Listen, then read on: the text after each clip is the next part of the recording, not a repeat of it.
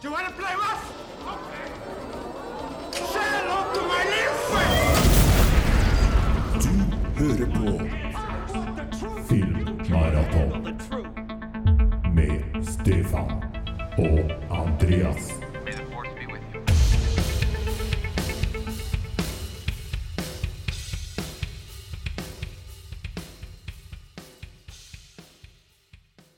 Ja, da er vi endelig tilbake i Trondheim, på Sorgenfri, i samme rom. Ja, det var på tide det at vi samla oss litt igjen. Ja, du er, du er jo nyfrisert og i god ser, ser godt ut, vil jeg Ja. si, etter å ha vært, vært inne i to måneder. Jeg har fått, fått, fått raka Tatt av mye hår og stussa ned skjegg og alt, så jeg føler, føler meg mye freshere enn hva jeg gjorde når vi, når vi spilte inn over, over IP-telefonen her, ja. Ja. Eh, Du, vi skal være kjappe med denne introen i dag, for vi skal komme oss ganske fort til hovedpodden. Jeg skal bare si det at uh, vår samarbeidspartner Hifi Life er en av tre forhandlere i Norge som har kanskje verdens kuleste hifi-merke, Macintosh. Ja, Uh, Og den eneste nord for Dovre som har det. Såpass, ja. Ja, så hvis dere er interessert i litt amerikansk, litt harry, men sinnssykt fett uh, forster ja, forsterkere først og fremst, da, så stikk dere innom hifilife.no eller butikken i Hummelvika. Ja. Um, så det tenker jeg er det vi sier om det i dag, og så kommer vi oss egentlig ganske fort Uh, Vi skal down under, er ikke Skal vi til Land Down Under, ja. Land down under.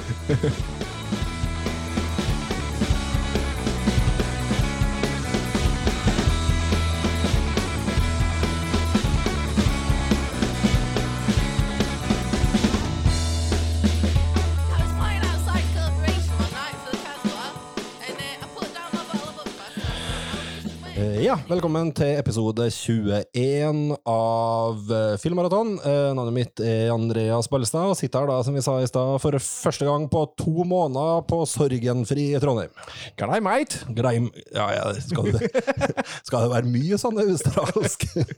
Kan du si fra nå om det skal være mye sånn? Nei, men jeg tenkte jeg kunne bytte ut min vante heisan med grei, mate i dag, da. Ja, ja, men det så Det må være innafor det. Det er for så vidt greit, det. Vi skal til australsk film.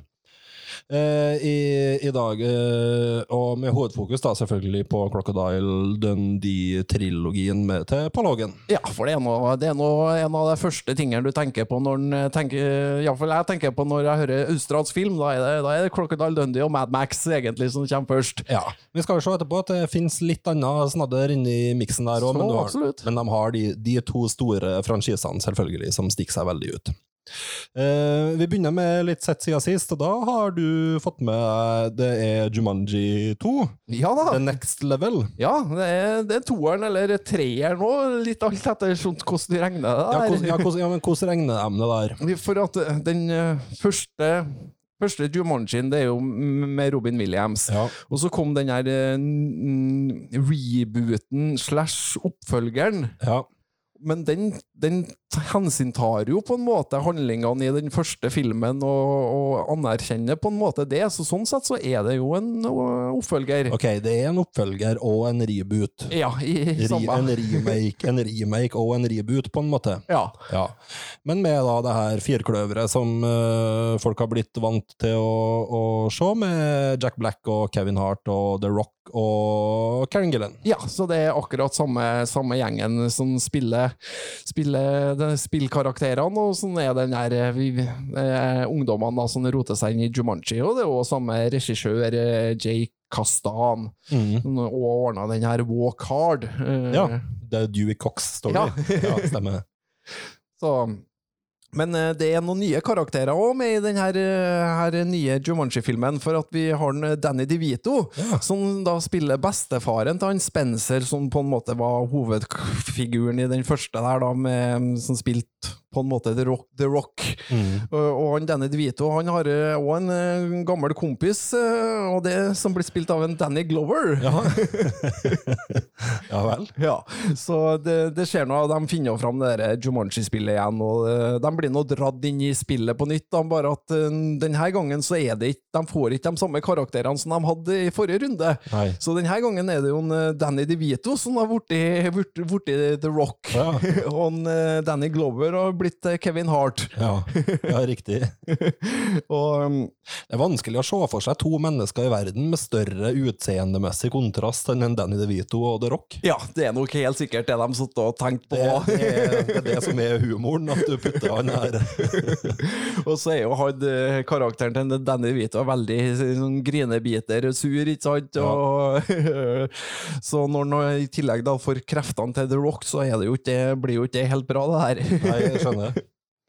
Um, um, og uh, ja, og er, når de er i det Jumanji-spillet, så skal de finne en juvel som blir vokta av skurken Jürgen the Brutal, som blir spilt av en Rory McCann, som vi kjenner som The Hound i Game of Thrones. Ja. Så det var litt artig å se han igjen, i, men han er nå litt sånn Han er nå litt som The Hound.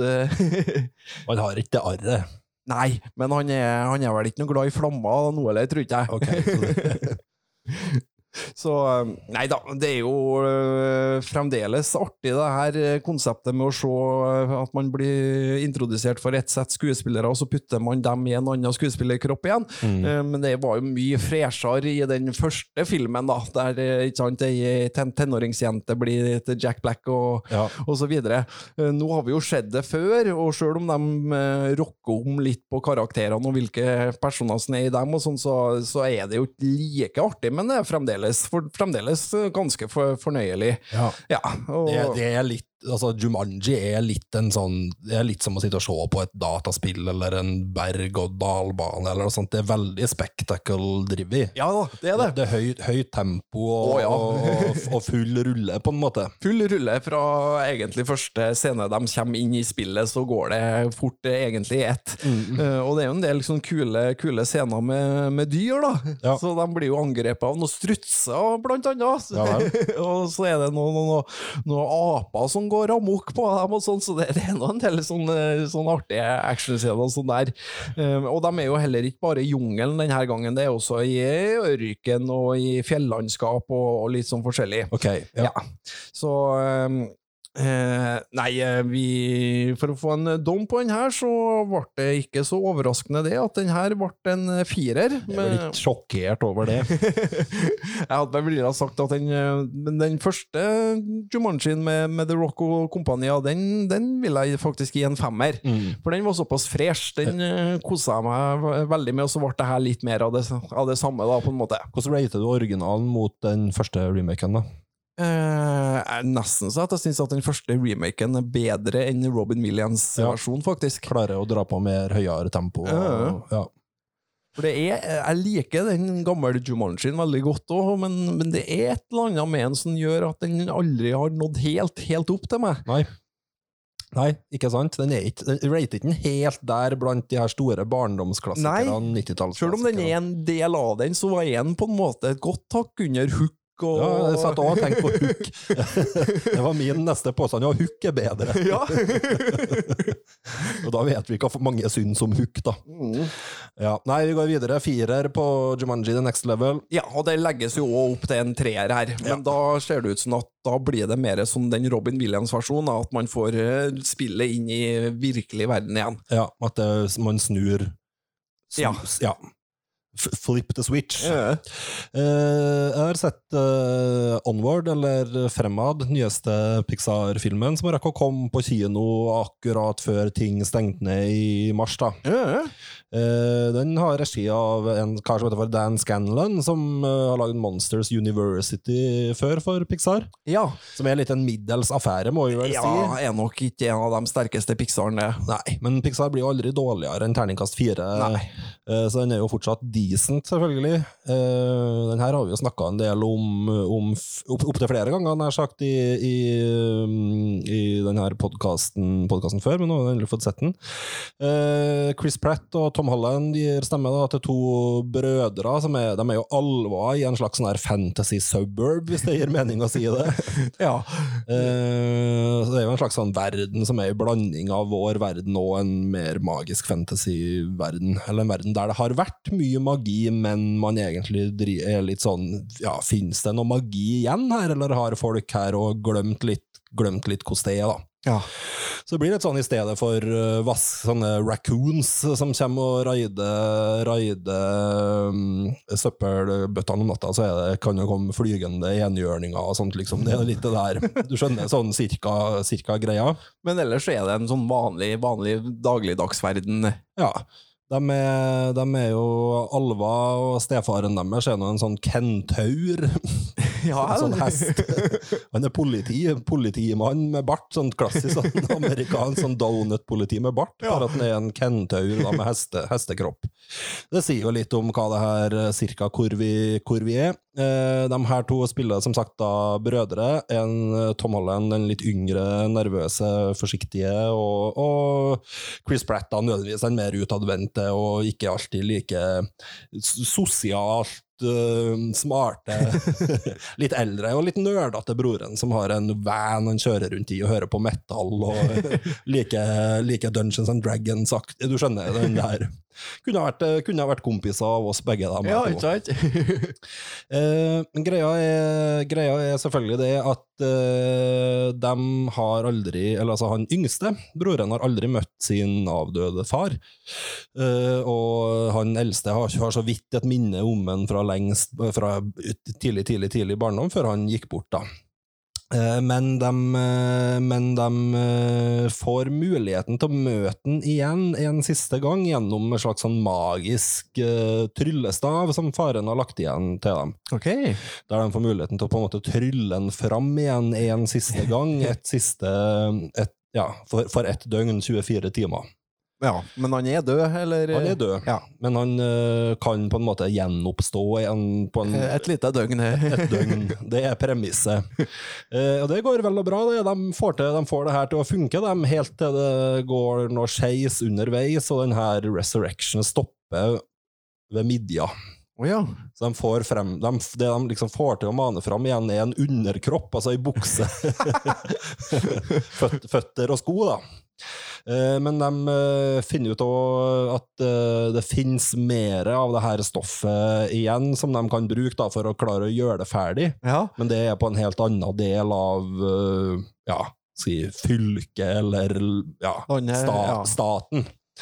Eh, de, eh, de eh, bor i, så de er nødt til å ut på en, da, en magisk reise i bilen til han eldste broren, da, for å finne, finne det her stoffet som gjør at han kan, han, kan klare å eh, fullføre eh, Han buksa og skoen er han med på. ja, han må jo bli med, da. han må jo nødvendigvis være med. Så det er jo en del humor rundt, rundt, eh, rundt det. Eh, Julia Louis Dreyfus spiller mora deres. Eh, og Octavia Spencer, som også er en favoritt for så vidt her i podkasten, spiller en, uh, en, en, en manticore. Ja. Uh, altså blanding av, hva er det, blanding av ørn og løve og skorpion, eller noe sånt. En manticore. Må bli noe sånt. Ja.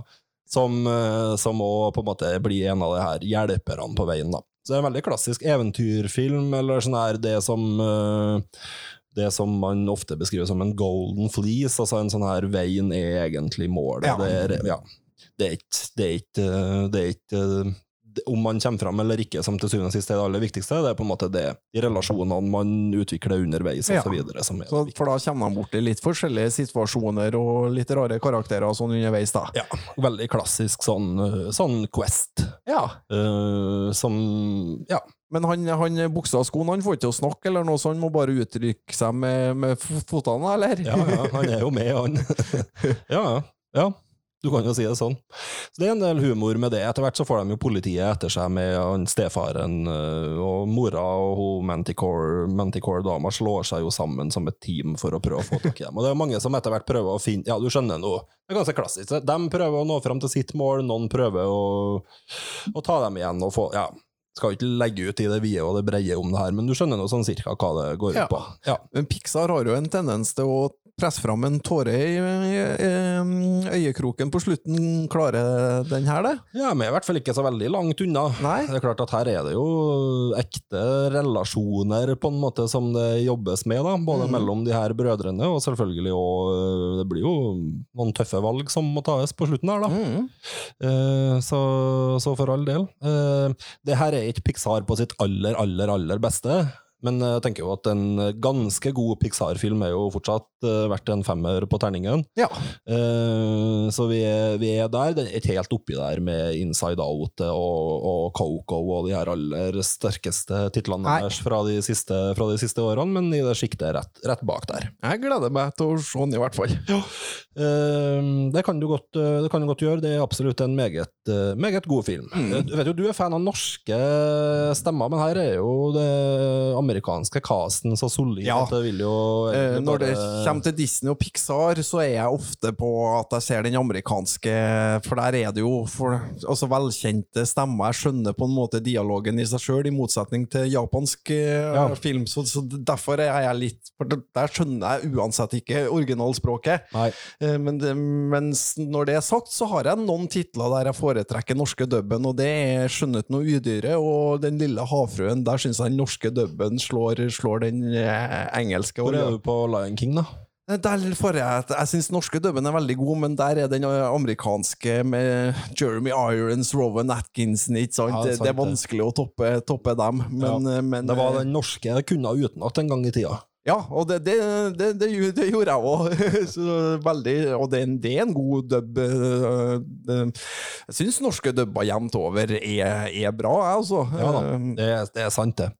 Eh, men eh, når du tenker på, på japanske, eller på språk du uansett ikke forstår, føler du at det er lettere å connecte med materialet, på en måte, Ja. når de snakker norsk, da? Ja, for det blir litt eh, Blir kanskje mer fremmedgjort enn hva det er nødvendig for min del, av når jeg uansett ikke skjønner, skjønner språket. Ja. Jeg syns kanskje nesten det er lettere å leve meg inn i det på original, med originalspråk. Ja, det altså, ja, men Jeg kan skjønne den, skjønne den ja, jeg skjønner, sida òg. jeg, jeg skjønner hvor du kommer fra. Og sånn men der er det, Pompoko, den så jeg jo, men den måtte jeg jo se på originalen, og der syns jeg det egentlig ga litt merverdi, for den, den er så fremmed, filmen i seg sjøl, ikke sant? Ja. Eh, ja. Nei, det er ikke noe, jeg mener heller ikke at det er noe som er rett eller feil der man må gjøre det, som gjør at man sjøl føler at man klarer å connecte med materialet og får en god opplevelse av det. Mm, men uh, iallfall for min del så har ikke sett bare halve filmen hvis du har den med norsk dubb. Altså. Det, det syns ikke jeg. Nei, nei det, det er jeg for så, vidt, eh, for så vidt enig i. Hvis det er noen som mener det, så er jo det litt rar holdning å ha, da. Ja.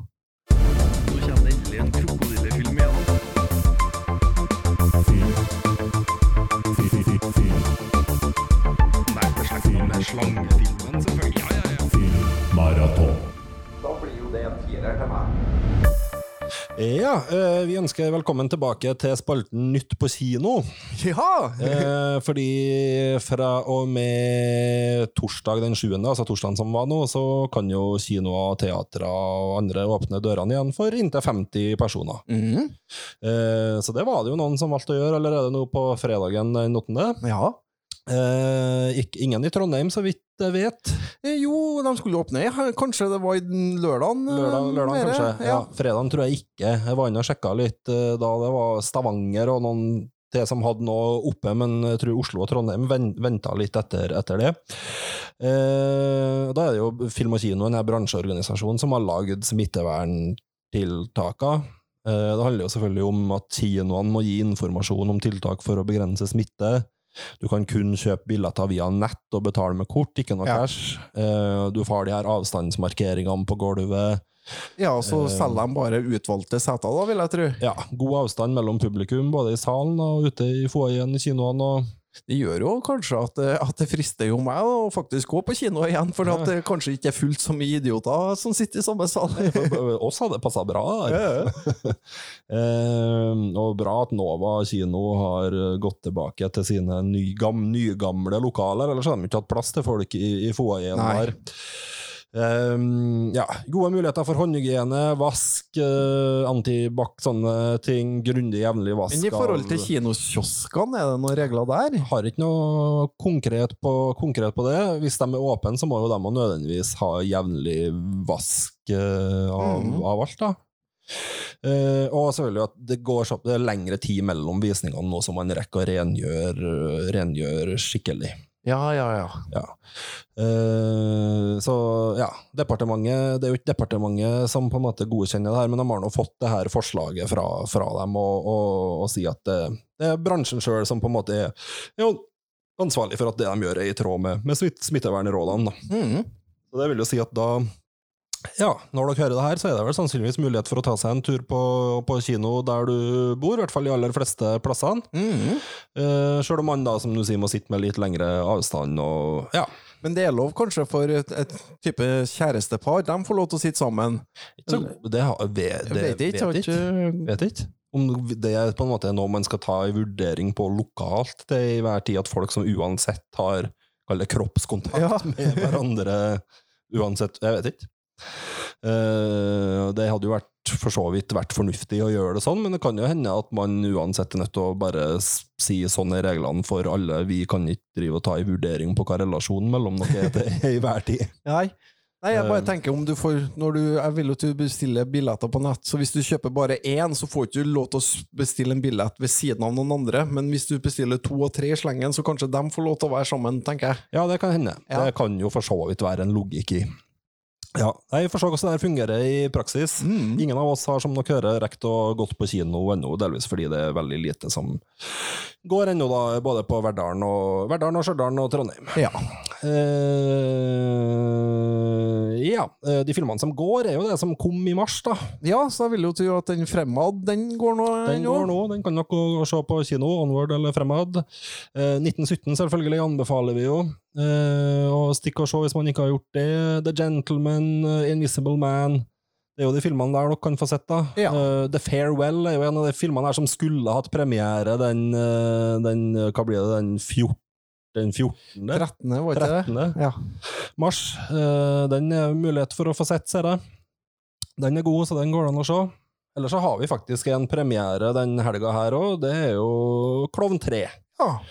Eh, som egentlig skulle ha kommet i andre halvdel av mars, Mm. men som kommer nå i, i stedet.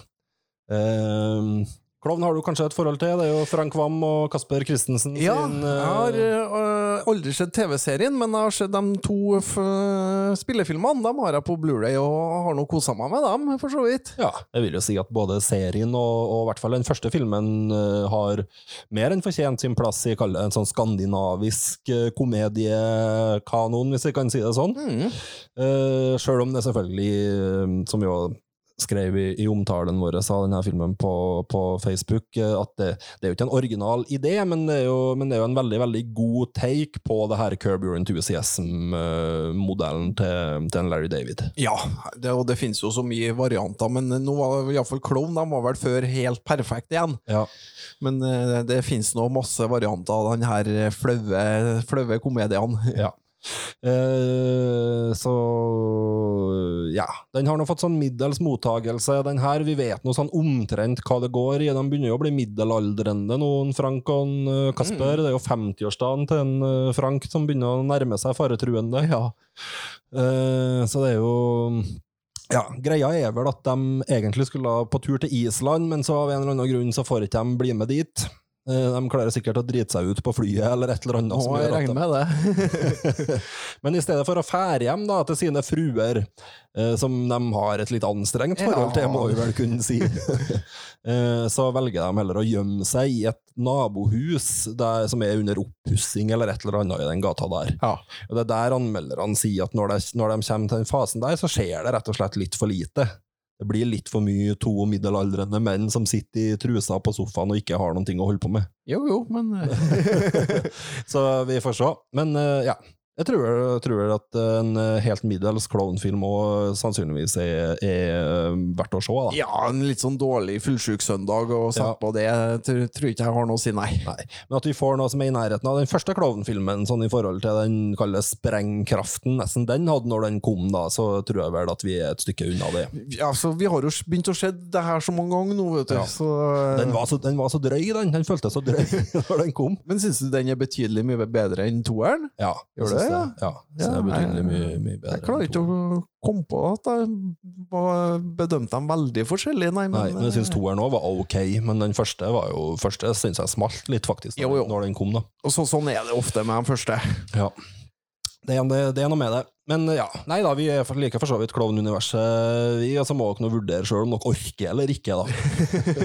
det er klart. Her er det er pute, det er pute-TV. Går det an å se Klovn 3 uten at man har sett noe som helst av Klovn, Ja, tror du? det vil jeg det gikk iallfall fint an å se de to første filmene uten å se serien. Ja, det er jo ikke noe sånn avanserte plott. Nei, Nei, det er jo bare to, to to- middelaldrende dansker som driter seg ut, det, egentlig. Ja. Ja.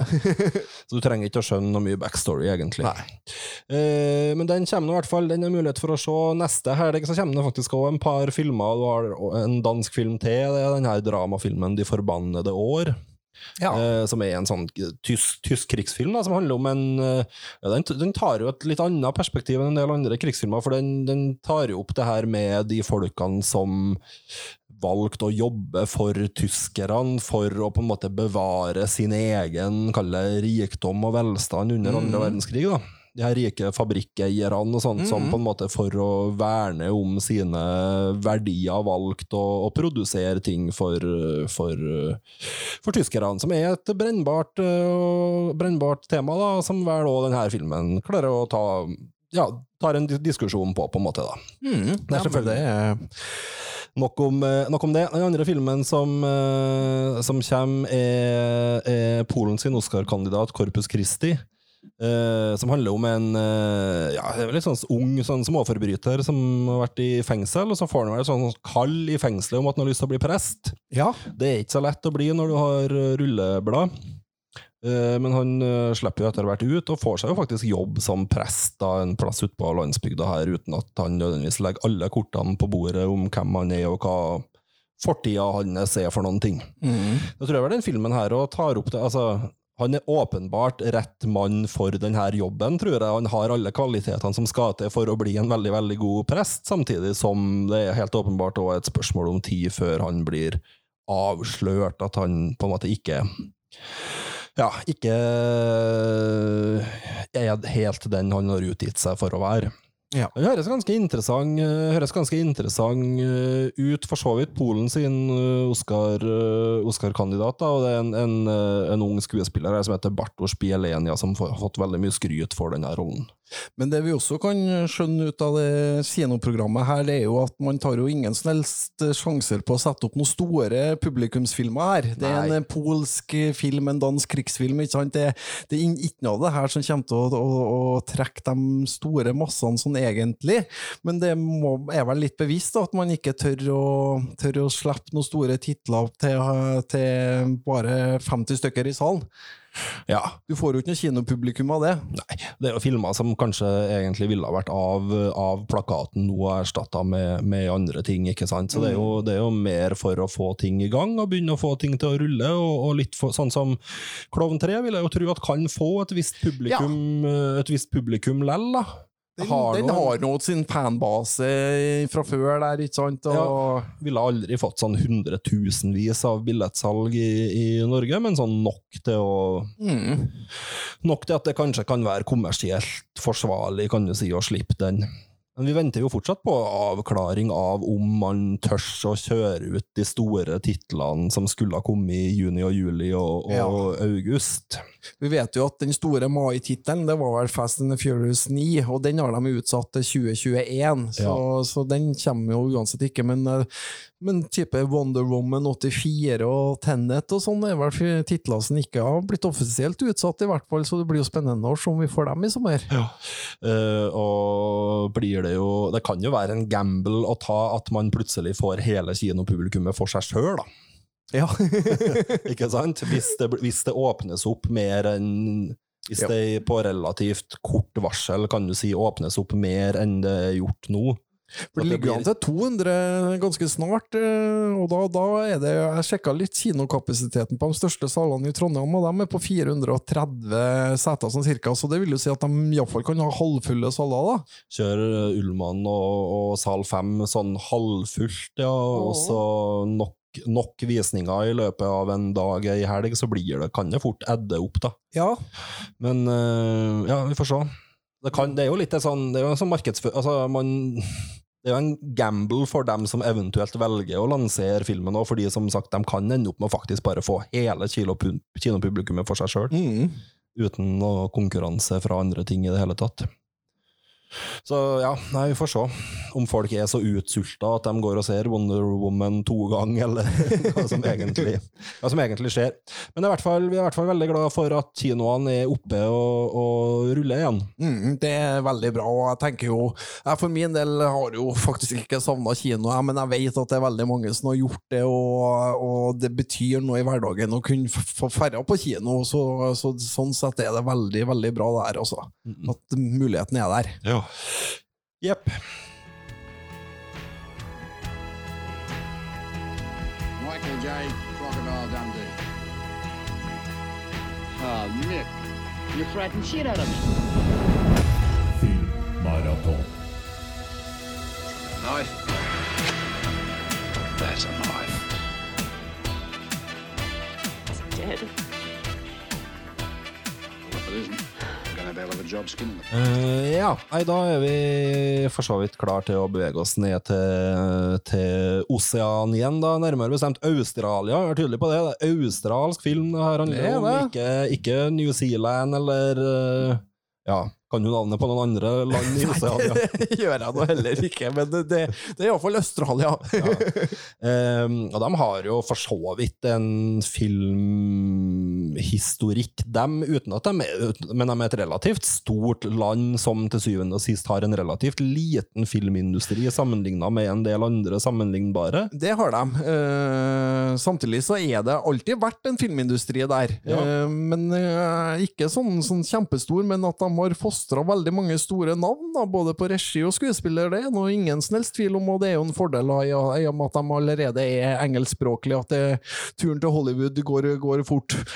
Da går vi litt tilbake til ja, jeg tror kanskje vi For å finne de største, kanskje den første internasjonale suksessen fra Australia må det være Picnic at Hanging Rock, kanskje? Da er vi på midten av 70-tallet. Ja, da er det jo eh, en av de største regissørene som kommer eh, fra Australia, Peter Weir, Ja. eh, som, kom, som kom med den, og hadde jo denne den Gallipoli, som nå er, blir regna som en av Australias eh, beste filmer fram til da. da. Ja, og det er kanskje de, noen av de filmene som først begynte å fikk et publikum utafor konti kontinentet. da. Ja, Gallipoli introduserte jo Mel Gibson, for så vidt. Ja, som uh, slo gjennom for fullt selvfølgelig med Mad Max noen år uh, senere, Mm. Eh, og som lenge vel må sies har vært den største eksporten fra, fra Australia. Det, det er jo det, men eh, når vi begynner å se litt på navnene her, så er det mange, altså.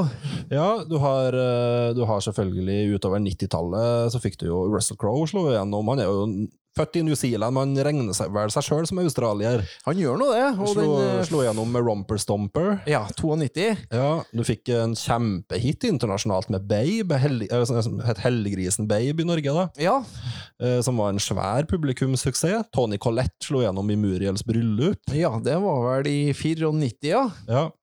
Eh, og så fikk du jo etter hvert, eh, etter hvert folk som Eric Banna, som slo gjennom med Chopper rundt millenniumsskiftet. Ja, det er fra 2001. Ja. Eh, samtidig som folk også, sånn som en Bass Lerman for eksempel, da, bygde opp sin, sin karriere oppi det her. Ja, han slo vel gjennom med den Strictly Ballroom i 92. Ja, og fulgte opp den med Romeo og Julie og Moulin Rouge, som på en måte er den her eh, Red Carpet-trilogien til en Bass Lerman, som har, fått, har, har masse fans og, og gjort det veldig, veldig bra på kinoer i hele verden. Men eh, jeg tror òg et vestlig publikum også har et eh, ganske sterkt forhold til en del såpeserier fra, fra Australia. Ja. Det, det ene er nå det som ruller og går på TV2 Sumo, tror jeg ennå, og det er nå Home and Away. Ja. Det starta nå opp i 1988, og holder nå på ennå. Ja. Eh, Men en kanskje enda mer legendarisk eh, såpeserie, det var jo den som gikk på TV3 i sin tid, som het For naboer, eller Neighbors. Og den starta jo i 1985, og der eh, bare sjekka jeg opp litt hvilke skuespillere da, som, som har hatt roller, roller i den serien, og da har vi jo australske navn som Guy Pearce, Russell Crowe, Margot Robbie, Kylie Minogue og alle de tre Hemsworth-brødrene. Ja, for det er selvfølgelig jo et poeng at veldig mange australske skuespillere er blant de største navnene vi har i, i verden, egentlig. Nå har Ja. jo nevnt en del av dem, men vi har jo Hugh Jackman, Nicole Kidman, Naomi Watts, Kate Blanchett. Kate Blanchett, ikke sant, i tillegg til dem du Og ikke minst uh, James Bond, uh, George Lazenby. Ja, Han ble og- nå bare én, men, eh, men uh, det er jo òg en mann som må huskes. Ja.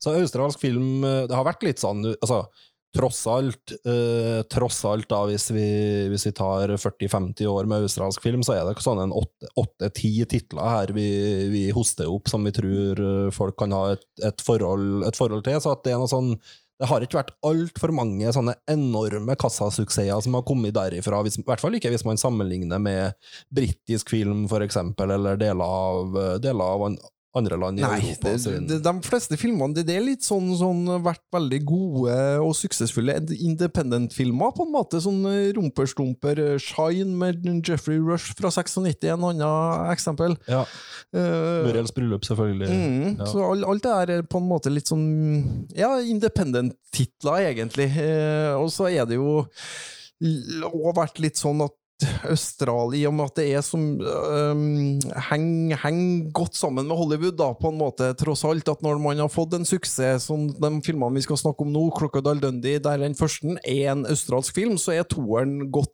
produsert av, av Paramount Pictures, og kan, er da på en måte både en amerikansk og en australsk film, da. Ja. Vi kan jo for så vidt bevege oss til Crocodile Dundee, for det er det som er hovedfokuset. Og det er jo den første filmen som kom der, er jo fortsatt den, første, den største australske kassasuksessen, både vel i Australia og utafor Australia. Ja, og det er den ennå i dag også. Det er ikke kommet en australsk film som har slått an bedre enn hva det Crocodile Dundee gjorde i 86. Nei, men da må Mad Max 4 begynne å nærme seg, kanskje.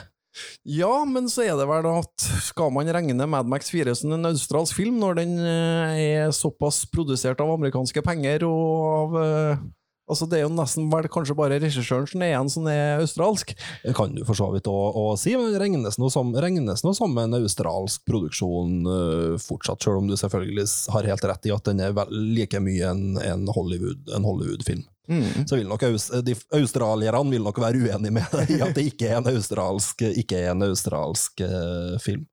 Uh, men det er fortsatt, som du sier, Crocodile Dundee som er den uh, største. Uh, bygger sånn løst på en fyr som har levd, som døde for ikke så veldig lenge siden. Han ble vel skutt av politiet i 99, han. ja, Rodney Ansel, eh, som ja, ble landskjent i, i Australia i 1977 etter at han har overlevd ute i ødemarken på uk ukevis. Ja. Uh, og og, og visstnok òg, når han kom tilbake til hotell, så valgte han å sove på gulvet og, Ja. og litt sånn der. Men, men det var nå en litt eh, kontroversiell figur, og ikke noe sånn særlig mye bra historier om han eh, utover. eh, der han eh, Ja, han endte vel opp med å bli skutt av politiet fordi at han drev på og skjøt mot en gård og dr- skjøt mot politiet og ra- ra- rabla litt for han, og mye dop og sånn, og visstnok så. Ja, men en sånn en, slags, en karakter eller en slags figur, figur her som er sånn løs, løs inspirasjon, i hvert fall. For Ja. Paul Hogan må vi jo nevne allerede her, da, sin Crocodile Dundee-karakter. Ja, selv om han sjøl sier at det ikke er basert på han, så er det vel mye som tyder på at noe av inspirasjonen må være henta, i hvert fall. Ja, vanskelig å komme, komme helt, eh, helt utenom det.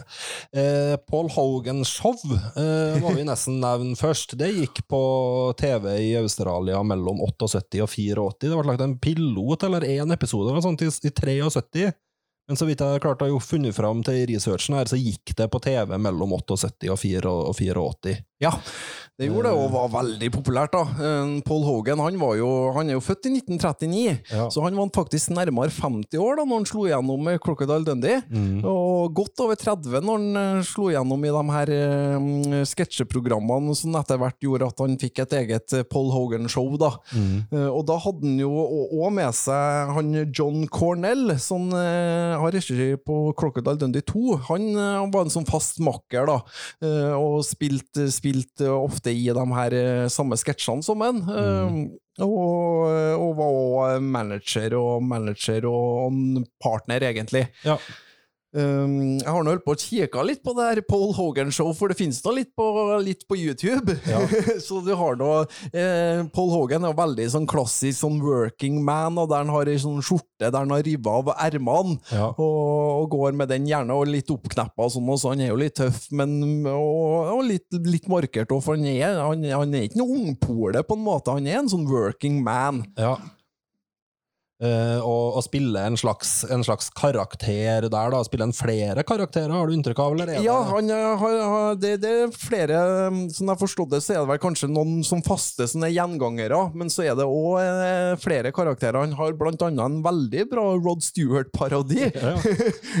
som, som ble sendt på det her showet. Så ja, det, det er verdt å se. Paul Hogan og Rod Stewart, så, så finner du det. Ja, men det, men det Crocodile Dundee, eller den her Mick, Mick Dundee, han dukker ikke opp her. Nei, han dukker ikke opp i Hogan-show, nei. Nei, men finner vi noe forløper til karakteren? Finner vi noe som minner Eller han karakteren du beskriver, er jo for så vidt ikke milevis unna. Nei, det, det, det er nok det at det er på en sånn mans, altså ordentlig man, på en måte. Men Ja. ja. ja, og i tillegg så Det har jo fått en del beskyldninger i ettertid å være fryktelig sexistisk, eh, det her Paul Hogan-show. Og det er det jo for så vidt òg, når du ser det. Det er veldig mye mm, eh, nærbilde av eh, damer sine rumper og pupper, og, og veldig objektifisering av, av damer. Men samtidig så er det jo sånn en Hogan òg sjøl sagt i ettertid at ja, det er sexistisk, men så han sier unnskyld til alle herrene, for at det, det er jo det som er litt poenget. at hvor dum blir ikke herrer, altså vi menn, når vi ser pene damer og snur oss bort og glemmer alt. Og Det virker veldig gammeldags og sånn i dag, men det er ikke noe verre enn hva det er en Benny Hill og sånn holder på med. ikke sant? Det, Nei, nei, det er litt sånn, og for så vidt det som ble Manshow i sin tid prøv, eller hva Manshow Manshow var jo en sånn parodi, en slags parodi på den her Ah, ah, tilnærminga, men, det- det- men endte, opp, endte opp med å egentlig bare bli det samme. Det endte opp veldig med å bli det samme, tenker jeg. ja. Det, men det prøv, prøvde jo å være litt smartere, eller ironisere over det her, og så endte jo opp med å bare bli det en parodi på seg sjøl, eller et eller annet. Jeg vet ikke. Uh, eh, men det var ikke Det var Peter Feyman som var en annen kar fra Paul Hogan-show som endte opp med regi på den første filmen. ja. Eh, eh, Paul Hogan er kreditert for story og skrev jo manus til denne filmen da, sammen med, med to andre. Og så var det som sagt en av de her regissørene eller folkene som jobba på Paul Hogan-show, som fikk jobben med å, med å lage, lage den. Ja, og ingen av dem hadde noe erfaring fra spillefilm. Så det, det er noe, man kan bite seg merke i med Crocodile Dundee, at den er ordna nesten av debutanter i alle ledd, vet du. Ja. Eh, så kan man jo kanskje diskutere eh, Jeg syns jo det er litt uklart i en del av det materialet som finnes rundt om den egentlig var lagd for det australske markedet eller for det amerikanske markedet. Den ble lagd for det australske, ja. Ja, men den ble jo i, alle tilfeller en, en suksess over veldig store deler av, av verden, da. Men de hadde aldri, aldri, aldri spekulert på at den her kommer til å bli en verdenssuksess. De trodde nok at med Hogan sitt kjente ansikt at den kom til å bli en stor suksess i Australia, men at, eh, og at de selvsagt skulle prøve å selge den videre, videre til, til USA. Når de eh, prøvde først å selge den til Fox, som sa nei, det her mølet er vi ikke interessert i. Um, så, øh, men samtidig så visste de jo òg at Hogan begynte å være et sånn halvkjent fjes i USA, øh, på bakgrunn av den her TV-reklamen som gikk på, på amerikansk TV i 84. Uh, og har du sett um, Du har jo selvsagt sett Dum og dummere, men husker du i starten her når Jim Carrey møter, møter ei dame og spør hvor jeg er fra? Og så svarer hun at hun er fra Austria. Ja. Og da kobler jo han at, at det er Australia, selvfølgelig, og da begynner han jo sånn Gardei, mate, let's put another shrimp on a Barbie. Ja. Og den eh, har alltid bitt meg merke den derre Let's put another shrimp on a Barbie for you.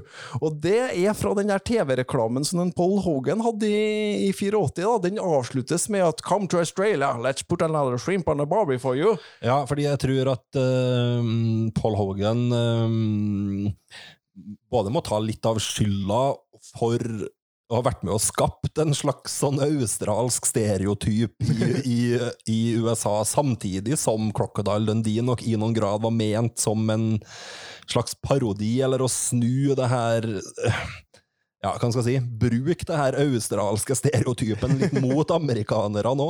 Eh, Det er ikke så godt å, å- å forklare helt hvor de, hvor de kom fra her, men det, det er liksom, det er liksom Men- men- flere, flere sider av denne tilnærminga til Men når du ser den reklamefilmen, så spiller jo den bare sant, på hva, hva er det For den, den handler om å få amerikanere til å ha lyst til å åpne lommeboka og dra til Australia. Og det må man med, og, da er det litt koalabjørner, og da er det en veldig jovial eh, og eh, opp og eh, rive av sk- skjorteermene på en Hogan, ikke sant, som går rundt der nede på, ned på den australske stranda og, og snakker veldig bredt australsk. Ja. Og, og spiller jo helt, helt åpenlyst på å være på en måte en slags sånn karikatur av hva folk tror at Australia jeg. Og det her er en running joke gjennom alle tre Crocodile Dundee-filmene òg. Det her med turistbransjetilnærminga til det her out, australske outbacken og, og ideen, ideen om det. Mm. Uh, ja, vi må si litt om hva det handler om. Paul Hogan spiller Mick Dundee her, da, selvfølgelig. Og så får vi jo inn her Linda Koslowski, som spiller, spiller den amerikanske journalisten Sue Charlton. Ja, hun òg var jo debutant. Ja, I tillegg så har vi en kar som heter for John Malen som spiller han her kompisen hans, Walter. da. Ja. Eh, Det er den, for så vidt den viktige casten i den, i den første Ja, så har du Nugget, da. Ja, Det er vel den eneste som er med i alle tre sånn av de kompisene hans. ikke, ikke en donk. Donk tror ikke jeg er med i treeren. Jo, han Jo, er vel det med jo. øl i treeren. Ja, det da er do, do, Donk og Nugget er med i alle tre. Ja. Så han har noen sånne kompiser og, ute på landsbygda der da i, i, i Australia som dukker opp, eh, dukker opp og er litt sånn supporting-casten til en, eh, til en crewet til en Crocodile Dundee, da, hvis man kan kalle det det. Eh, eh, den første filmen er jo underholdende, veldig god driv i den, men en sånn veldig sånn urklassisk fish out of water-story, da, som egentlig snur litt sånn halvveis. At i første halvdelen så er det ja, Sue Charlton som er litt som er fish out of water på landsbygda i, i Australia, og så etter hvert så er det en Mick da, som er fish out of water i New York. Så veldig sånn klassisk eh, komedieplott, egentlig. Ta noen ut fra sitt naturlige miljø, plassere dem inn i et helt nytt, og, be, og få dem til å deale med det på noe vis. Ja, og her er de virkelig tatt ut altså, i langt større fish out of water enn hva Axel Foley er når han reiser fra Detroit, Detroit til Beverly Hills. Ja. Um, Uh, og det er jo på en måte Humoren øh, starter jo ordentlig når den, når den kommer til New York. Det er jo da jeg føler at hoveddelen av filmen tross alt starter, da. Ja. Uh, og han, han resonnerer jo seg frem til at New York må være den vennligste plass på jord, siden at sju millioner mennesker velger å bo her frivillig sammen. Ja. og han tar jo òg den der at han hilser på samtlige mennesker han møter på, og regner med at han møter Han skal nå være i byen noen dager, så han regner med at han møter dem, møter dem igjen. Ja, fordi det er jo hele greia med en Mick Dundee eller Crocodile Dundee. Da. Altså, han er veldig, veldig jovial og trivelig Godhjerta. og godhjerta, men han er òg veldig tydelig bonde i byen. Naiv. Og naiv, og, og, er, og relativt fordomsfull på en del, en del ting òg. Og det er litt hovedplottet i den filmen her òg, altså, fordi den blir etter hvert ei ganske ren romantisk komedie, der en eller begge karakterene er nødt til å endre seg for at de skal kunne være sammen. Da. Er jo klart at den som må endre seg i Crocodile Dundee, det er en Mick. Han må bli mindre, min, mindre fordomsfull for å kunne være sammen med uh, Sue, Sue da, som er på en måte hoved, hovedplottet her. Det er jo en twist på, twist på slutten her òg, for så vidt i at det er en Mick som tar den Uh, rollen som ofte har vært tilskrevet den kvinnelige hovedrollen i romantiske komedier med at det er han som på en måte blir uh, hva skal jeg si, vonbråten og fornærmet og, og skal ja, bli, blir sur, rett og Ja, ja, slett. så og, så er det, og, og det er Sue som gjør den her store romantiske gesten som vi ofte har sett. da. Her er det ikke en Richard Gere som klatrer opp branntrappa med roser i kjeften. Her er det Sue som må komme ned på, på T-banestasjonen. Og, Og det er veldig fornøyelig løst, da, for det må jo gå mellom en tre-fire andre som står på denne T-banen, så at det skal nås fram hva de, hva de sier. Ja. Så det er liksom han som er litt den her snurte og, og furte, og hun som, er, hun som ender opp kanskje på slutten med å være den sterkeste av dem på mange, på mange områder. Eh, den har masse ikoniske scener, blant annet helt i starten når han kommer inn i baren i Australia med den her utstoppa alligatoren. Ja. Eh, han dreper jo ei krokodille med kniv, han dreper en slange med hendene. Og selvfølgelig det her når han hypnotiserer den her gnuen. Ja, be- Eller er det et villsvin? Nei, det, ja, det er vel noe gnu av noe slag. tror jeg. Ja. Ja. Og, og måten de fikk til det, var jo at de faktisk dopa ned det her dyret. Ja, ikke sant. Og så, selvfølgelig og 'This is a knife'. Ja, ja, ja. ja.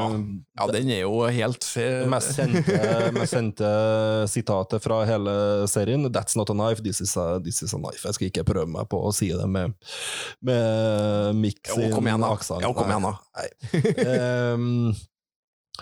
Eh, Paul Hogan sier jo sjøl at han mener at den ble så populær i Australia fordi den appellerte til det her kollektive, nasjonale imaget som Australia på en måte trodde at de hadde, men som de egentlig ikke har, da, siden de bor i store, stort sett bor i store Ja, byer. det? Men, men, men det er jo litt sånn i Norge òg, så tenker vi jo Hvis vi skal fremstille Norge, så går vi jo til Sogn og Fjordane og Dalar og fjorder, sjøl om de fleste nordmenn bor i Oslo. Vi er ikke, så, vi er ikke vikinger, altså, vi er ikke så veldig mye vikinger, vi heller, da. vi er jo ikke men For vi liker jo å fremstille oss litt sånn det, og, og, og sammen når de snakker om USA, så er det jo hjertet av USA, det er jo bibelbeltet på en måte, det er ikke de store metropolene. Nei. Så det, det er jo noe med det. Og cowboy- cowboyene. Ja, ikke, ja, sant? Så uh, ja. Så, han, eh, så Hagen mener jo at han Crocodile Dundee ble en sånn mytisk figur da, som delvis eksisterer, på en måte. Som delvis finnes, men også delvis en sånn stereotyp da, som lever i hodet til amerikanere og andre ikke-australiere. Eh, så at han trodde det var en del av grunnen til at han slo han sånn, og, og at mange av de andre kaller det nasjonalheltene de hadde hatt i Australia, var ganske dårlige forbilder. Det var stort sett kriminelle Ja, og det er dra, vel den draps... Ned Kelly er vel den, er sånn, liksom den store Og han er vel tvilsom, han òg. Ja, det er liksom mye sånn, eh, mye sånn der, og at på en måte at en Crocodile Dundee kom litt sånn på riktig, Ja. riktig tid til å være med å bygge opp en sånn, ja, ikke en nasjonal identitet, det blir for uh, Ja, men- store, sto, store ord. Nei, men jeg vil si at det er ikke langt unna at en den, Crocodile Dundee har blitt det. da. Det er ikke uten grunn at når det var avslutningsseremoni på- i OL i Sydney, så var det nettopp en Crocodile Dundee som måtte komme kom, kom og avslutte det hele. Ja. Så det, det, er noe, det er noe med det. Den ble superpopulær i hele verden, og i Norge. Mm. Eh, Tjent eh, tre millioner på litt over tre uker bare i Oslo. Det var rekord for Oslo kino. Det var det. Så den er utrolig godt hvor den, eh, hvor den gikk eh, her til lands, altså. Ja, smalt inn over 30 millioner på landsbasis, som var rekord for norske kinoer da, eh, på midten av, midten av 80-tallet. Og det var så gode besøkstall per innbygger at det var sånn som ble lagt merke til utenfor Norge. Ja, og at den ble en så stor, stor suksess her. Mm. Eh, Paul Hogan vant eh, Golden Globe. Det gjorde han. eh, Og ja, vi har vel nevnt også at han ble Oscar-nominert for manuset. Ja. Filmen var nominert til både BAFTA og Golden Globe og Oscar i ganske mange, Mm. mange kategorier, faktisk. Men den eneste store prisen han endte opp med å vinne, det var, det var at han vant Ja. eh, Golden Globe for rollen som beste mannlige hovedrolle i, i komedie eller musikal. Ja. Heter vel den prisen i, i Filmen sånn eh, filmspråklig sett og sånn er jo veldig, veldig konservativ, vil jeg si. Det er ikke noe sånn eh, Det er ikke der det ligger i Nei. filmspråket. Det er bare sånn veldig helt ryddig og greit for å fortelle en historie. Så har de lyktes veldig bra med hjertevarmen og humoren og eh, og, òg måten man viser fram både Australia og New York, syns jeg de lykkes godt med. Både i den her og den første. Ja. Og oppfølgeren, mener jeg. Ja. Eh, samtidig så kommer vi jo ikke utenom at den i dagens i, altså, Nå har vi sagt veldig mye fine og positive ting om, om Crocodile, Crocodile Dundee, men det er jo ikke noe tvil om at en del av dem som ser den i dag, vil oppleve den som veldig datert, og det ser vi òg. Jeg har lest en del, lest blant annet en, en, lengre, sånn, en lengre kronikk i The Guardian som var skrevet nå i, i, for en par år siden, som opplever den som, som veldig datert. da. Ja, det får være deres sjokk. Ja, så det får nå være det får noe, Ja, men det, det er noe vi må, det er noe vi må nevne, så tenker jeg. Så får nå folk gjøre seg opp ei mening om det, om det sjøl, om hvor, hvor de står i, i, forhold, i forhold til det.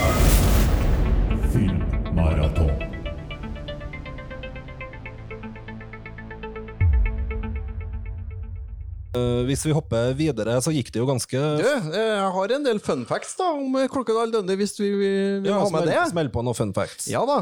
Uh, Ingvar Bergman han, han hadde jo ei, ei VHS-samling på høya, øya si eh, Færø, eller Fårø. Uh, og der, der var Klokkedal Dundee en av, en av filmene i samlinga. Eh, eh, Michael Hutchins fra Indexx han var en av, en av eh, investorene til filmen. Aha, ja. Og han fikk vel tilbake de pengene, så det holdt. ja. Gjorde nok det. Den australske versjonen er sju minutter lenger, Eh, og, og da har de jo kutta ned en del scener, og i tillegg dubba om en del, om en del eh, setninger på nytt, så at de ikke er, fullt så australsk. Nei, for det er et poeng at i den originale, originale klippen så, så var det brukt en god del mer, altså enda mer ren australsk dialekt, som rett og slett kan være vanskelig å forstå for et uh, publikum utenfor, utenfor Australia. Da. Mm. Øh, han som spiller kjæresten vet du, til, hun- til Asu for Hun har jo en kjæreste hjemme i, som jobber i samme avisa. Um, Han blir spilt av en skuespiller som heter Mark Bloom, og han døde nå nylig av øh, covid-19. Så, øh, så da vet dere det. Ja, Det var et av ofrene for koronaen. Um, og eh, Skal vi se Jo, eh, jeg har en eh, ting til her nå, som jeg skulle ta med. Ja, Vi kan jo nevne selvfølgelig at kanskje den siste gangen en Paul Hogan spilte spilt Crocodile Dundee, var jo nå i, i 2018. Ja. I, i, den, i den her um, Superbowl-reklamen, som òg var en slags sånn her tourism-ad for Australia med en Chris Hemsworth og en Danny McBride. Mm. Så det kan vi jo for, for så vidt, eh, vidt eh, nevne, da. Ja, og så har vi hatt en, eh, Paul Hogan og Linda Koswalski. De, de ble jo etter hvert et par. Ja. De møttes jo da selvsagt under, under innspillinga av den første, og da begynte de jo å ha et litt forhold, men ikke, det var vel mer en flørt under den første filmen. Paul Hogan var jo godt gift og hadde jo voksne unger og sånn, sånn på den tida, Eh, så, så det ble ikke noe mer av det da. Men eh, forholdet utvikla jo seg til Crocodile Dundee 2 som kom. Og det, da kan vi vel begynne å gå over til den. Ja, eh, fordi den kom jo Den ble jo smelt ut relativt fort etterpå. Det tok ett og et halvt år, det, så var den på, på kino 1988. Eh, og da er det han John Cornell, som du nevnte innledningsvis her, da, som var, hadde regi, regi på den, som var på en måte produsent og forfatter på, på serien og den første, første filmen. Eh, så det var en relativt kjapp produksjon. Man hevde seg jo rundt her og smidd mens eh, jernet var varmt, som det heter, og fikk ut en, en oppfølger ganske fort etterpå. Eh, det er ikke ei romantisk komedie, det er ei mer ren actionkomedie i- litt sånn ja, Beverly Hills Cop-land, egentlig. Det, det er det. Og nå er, har, jo, har de jo bosatt seg i New York, da, og, og historia foregår seks måneder etter den første filmen. Og det starter jo, starter jo med at vi får, får en eh, fisketur i havna utafor New York, der, der Dundee sitter og kaster litt dynamitt i elva for å få opp fisken, og så kommer nå politiet, men å ja, nei, det er bare du, ja, da, da, da går det greit. så, så får vi nå eh, følge Dundee på en, en vanlig dag i New York, egentlig. og, Ja, eh, absolutt. Eh, De roter seg jo etter hvert bort i noen søramerikanske gangstere. ja, noen narkofolk. Ja. Eh, og så er det nå på en måte det, Hva er plottet egentlig etterpå? Det er noe slags sånn uh, Og det at hun, hun, Sue hun er jo journalist, og hun får tilsendt en filmrull Ja. fra eks- eks- ekskaren sin, som nå var, var, var journalist, da, som har tatt noen bilder der han narkobaron Rico tar og, tar og henretter, henretter en fyr. Og det, da sitter hun da med bevismateriale for å kunne, kunne fengsle han der eh, Rico, da. Ja. Eh, Så det blir jo en slags sånn uh, Hun blir kidnappa av dem, uh, Mick befriere derifra, de, Ja, de rømmer til de- Australia. For de får jo skurkene etter seg, da, og, Ja. og Dundee bestemmer seg for at den tryggeste plassen for å være for dem da, det er på hjemmebane i Australia, for da kan en eventuelt hamle opp, og, hamle opp med skurkene på sitt eget vis der. Ja, og da kommer jo de her gangsterne selvfølgelig etterpå, etter dem dit, og så blir det noe, ja, det er noe en sånn katt og mus-lek egentlig i, i eh, bushen der da. Ja, det, det er veldig, veldig trivelig å se. Eh, Louis Gussmann er en av skurkene. Det la jeg merke til først nå. Eh, denne filmen var jo nummer 33 i VHS-samlinga mi, så det er jo en film jeg har sett vanvittig mange ganger, eh, og har et veldig sånn nært eh, hjerte til den. Eh, og, og, og moroa syns jeg virkelig begynner da, når, når eh, Dundee begynner å legge ut feller til, til skurkene. ikke sant? Han legger ut ei buffalofelle, han legger ut ei flaggermusfelle, slangefelle, alt det der. Da, Nei, da sitter jeg og koser meg. altså Det er, det er ordentlig fornøyelig. Men det vi òg kan legge merke til, er at en, eh, Dundee han dreper jo aldri motstanderen, han bare slår dem ut og fanger dem med tau og sånn. Og, og det, det der var han, var han, var Pål Hagen veldig bevisst på, da, at han ikke skulle ta noe liv. At han ville være et sunt forbilde. For at nå snakker vi jo 1988, og da var det jo Schwarzenegger og Rambo og gjengen der som var de store heltene, og som en motvekt til det, da, så var Hogan veldig bevisst på at han ville ha en, en mer hjertevarm skurk som bare fanga dem og leverte dem til politiet. For det var, som han sjøl sa, at det var flere, flere enn nok helter som skjøt 75 personer i en film for å nå målet. Det har vi jo snakka litt om før, den her Reagan-æra-actionfilmen, på en måte. Mm. Så det blir jo litt en kontrast eh, sånn sett til det. Mer barnevennlig på et nivå, og Ja. Men, men samtidig så er Ja, toeren er veldig barnevennlig, men den er ikke ordna som en barnefilm, som den nesten er. Nei, men den er, den er definitivt eh, Definitivt eh, Definitivt det. Eh, Den ble òg en veldig stor suksess. Spilte inn ganske mye både på, på verdensbasis og i, og i USA, da. Mm. Ble den fjerde mest innbringende filmen i verden i 1988, og den sjette mest innbringende filmen i, i, i USA. Ja. Og tjente inn sånn en gode ja, en 65-70% kanskje av det den første, første filmen gjorde, så ikke sånn veldig langt Nei da, langt, den gjorde, eh, gjorde bak. det veldig bra, og i Norge òg så gjorde den jo ekstremt bra her igjen, og nok en gang så slo Crocodile Dundee kinorekorder, da. Ja. 200 000 så den i løpet av de første fem dagene i, i Ja. Norge, som er veldig, veldig ja, det, det, det er syke tall, egentlig. Så, Ja, eh, jeg, så, jeg fant ei sammenligning med Rambo 3, som ble sett av, av litt i underkant av 10 000 i løpet av sine fem første dager. Ja, ikke sant? Så det, det, det, er en stor, det er en stor forskjell. Ja. I tillegg er jo Crocodile Dundee 2 tror jeg kanskje den filmen som har gått mest som søndagsfilm på TV2. Ja, det kan Ja, det er noe helt vanvittig, og da, da har den hatt vanvittige eh, seertall, så, eh, så det det, de fleste folkene i Norge har sett Crocodile Dundee 2, tror jeg.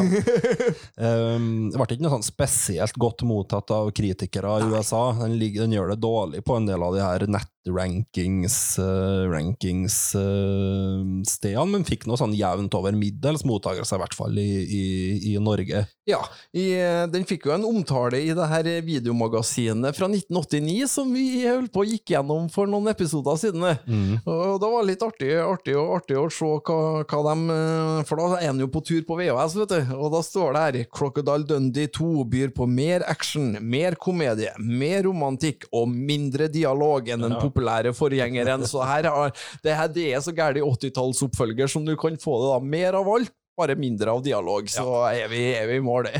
Ja, så det er ikke helt tilfeldig at jeg sitter litt sånn og leter etter hva jeg egentlig plottet i Crocodile de to, for det, det, er ikke all verden, det er ikke all verdens mye, men den har mye av det samme som er viktig, og det, det skal vi aldri glemme. Det som er viktig i Crocodile Dundee, det er en Mick Dundee. Ja. Paul, Paul, Ja, ja, Paul Hogan. Eh, på, litt på samme måte som en, som en Eddie Murphy i, i Beverly Hills Cop. Altså, det her står og faller på, på om hovedrollen er Absolutt.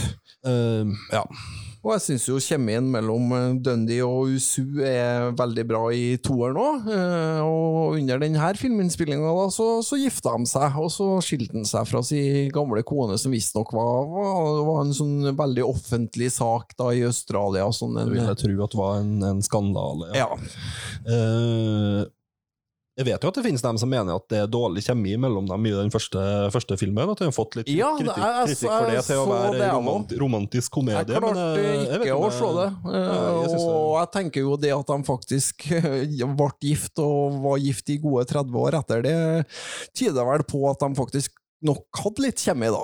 Ja, det kan kanskje tyde på, tyde på det. Eh, er det noe mer spennende å si om Crocodile Dundee 2? Har du noe fun facts om den. Den er ganske rett fram action, Ja. Action Den foregår er delvis i New der, York, eh, delvis i Australia. Men du har jo den første halvdelen som er i New York, som er på en måte mer som den siste halvdelen i eneren. ja. Uh, Og så, og så blir det, når de kommer til Australia og utover, så, så er det nok mer en, mer en um, ren actionfilm. Mm. Uh, jeg vet ikke, jeg, sy jeg, jeg syns nå karakteren Leroy Brown, som blir spilt av en Charles uh, Dutton, uh, som er med i, i New York-scenene, er ganske, ganske artig. Ja. Han, han skal jo være så bad som, um, som navnet tilsier, men han er jo egentlig ikke det. Nei, han er jo selv kontorrekvisitter, Ja. gjør han ikke? ja. Det er jo litt sånn som snur opp ned igjen på litt stereotyper og, og, og sånne, sånne ting. Er, Mm, er det så, så det går igjen, på en måte, ikke bare på Australia, men også, også andre karakterer. da. Mm, jeg gjør det.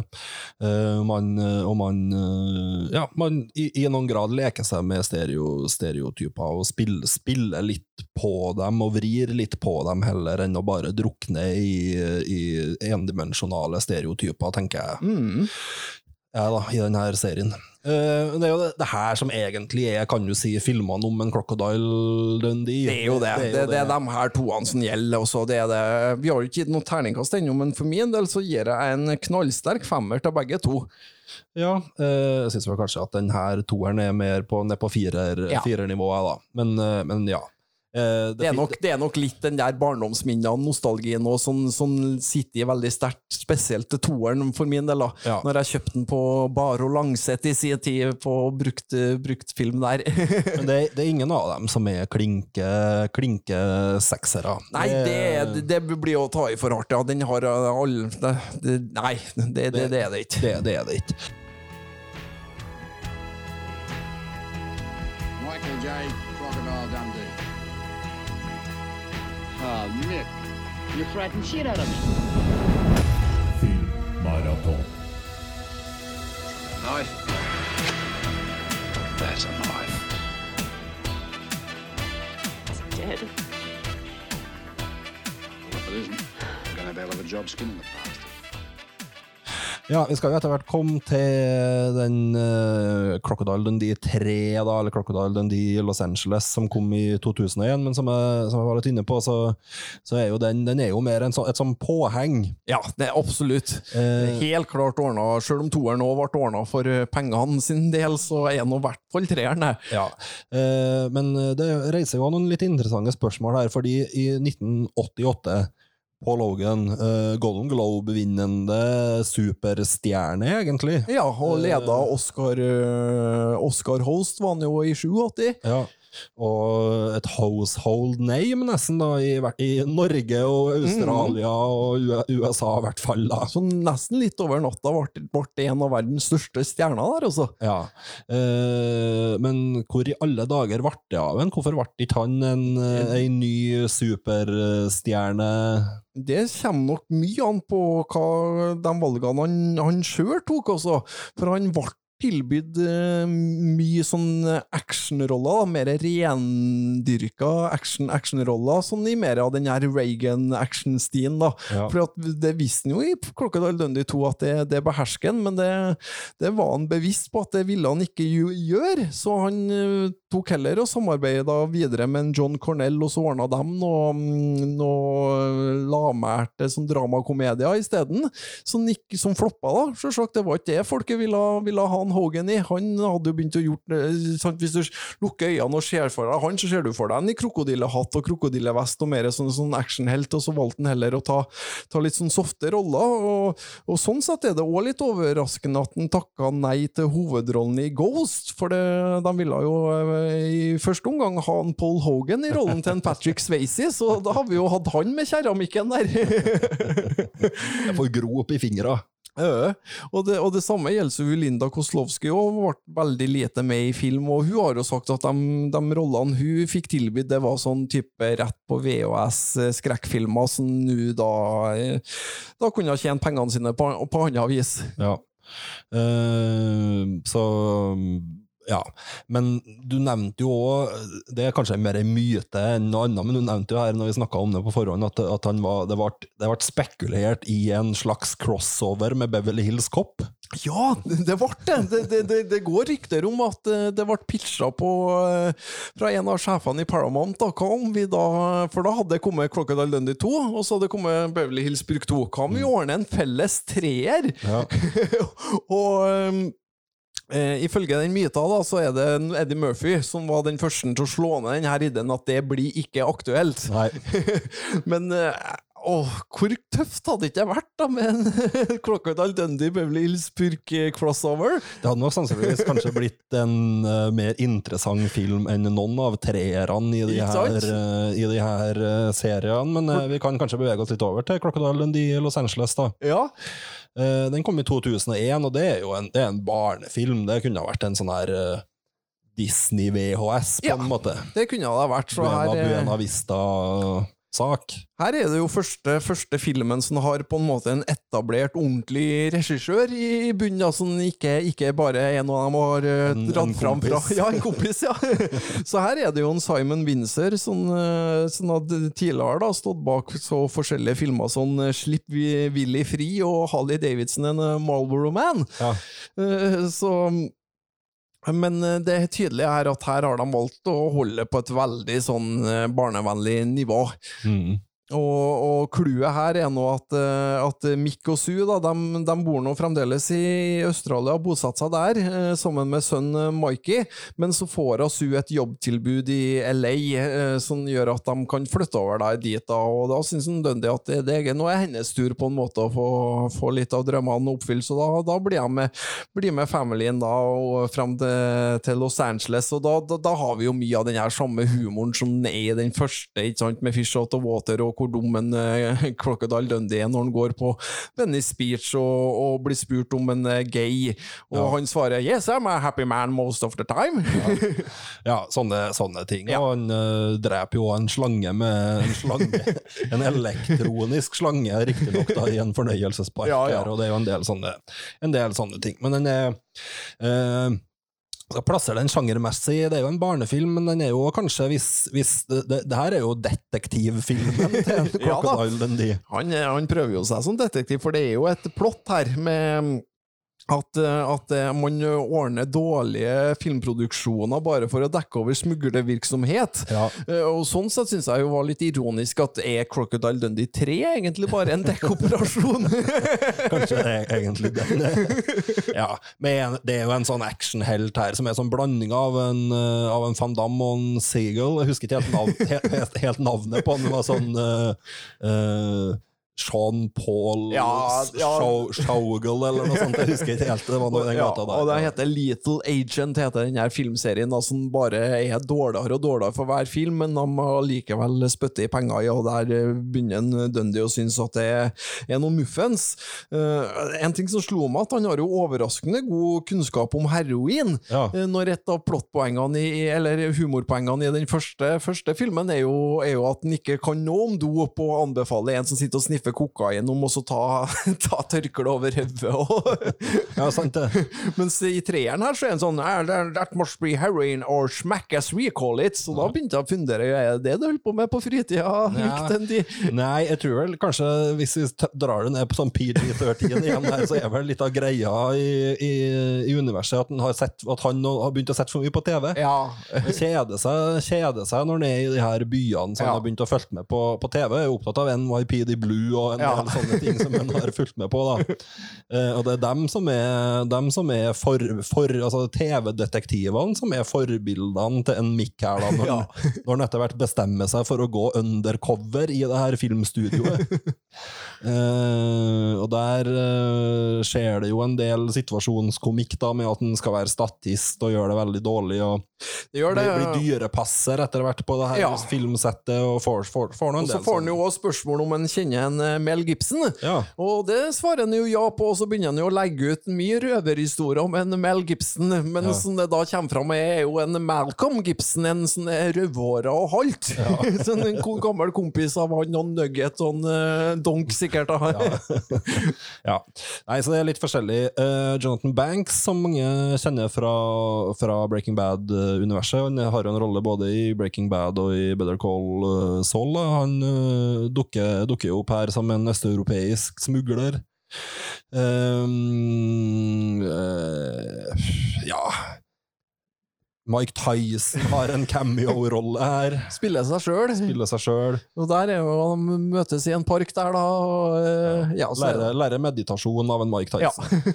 eh, og ellers så introduseres jo en ny karakter som er litt artig. Det er jo han har Uncle Jacko, han eh, kompisen eh, Ja. Den nest beste krokodillejegeren ja. i, i Australia, som òg kommer over for å være litt barnevakt og, og Ja.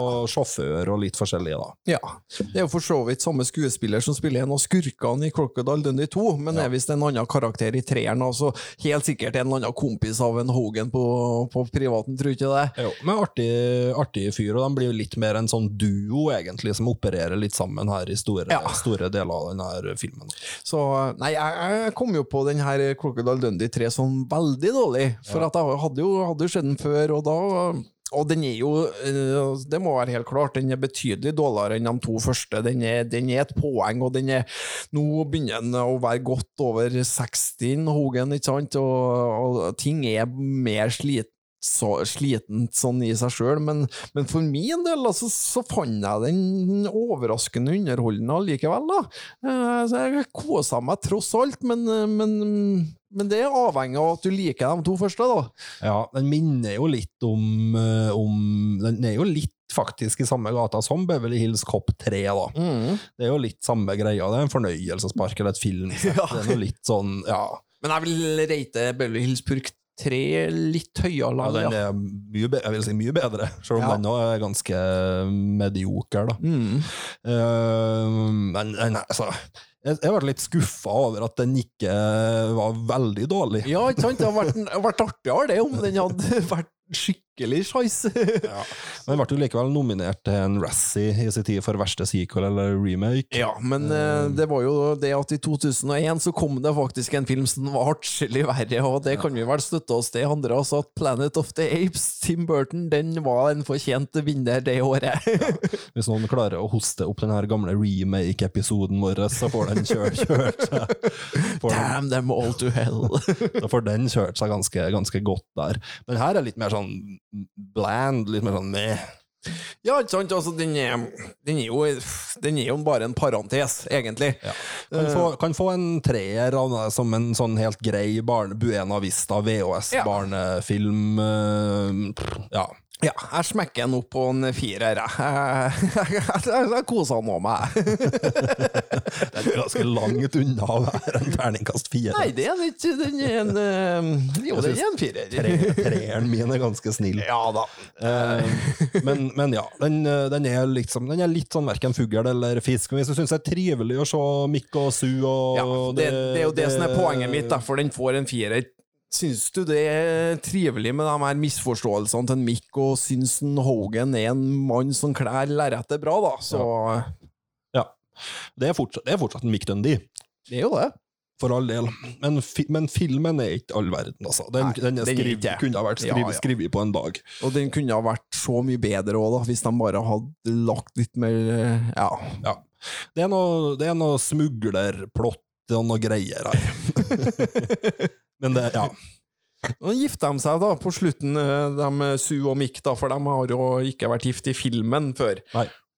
Så det er et viktig, viktig poeng. Så du får en slags sånn full, full circle der, og du har arvingen Mike da, som må bestemme seg for om han skal bli som sin far, eller som sin mor, eller som han da lander på, at det kanskje er like så greit å bli litt sånn som begge to. Ja.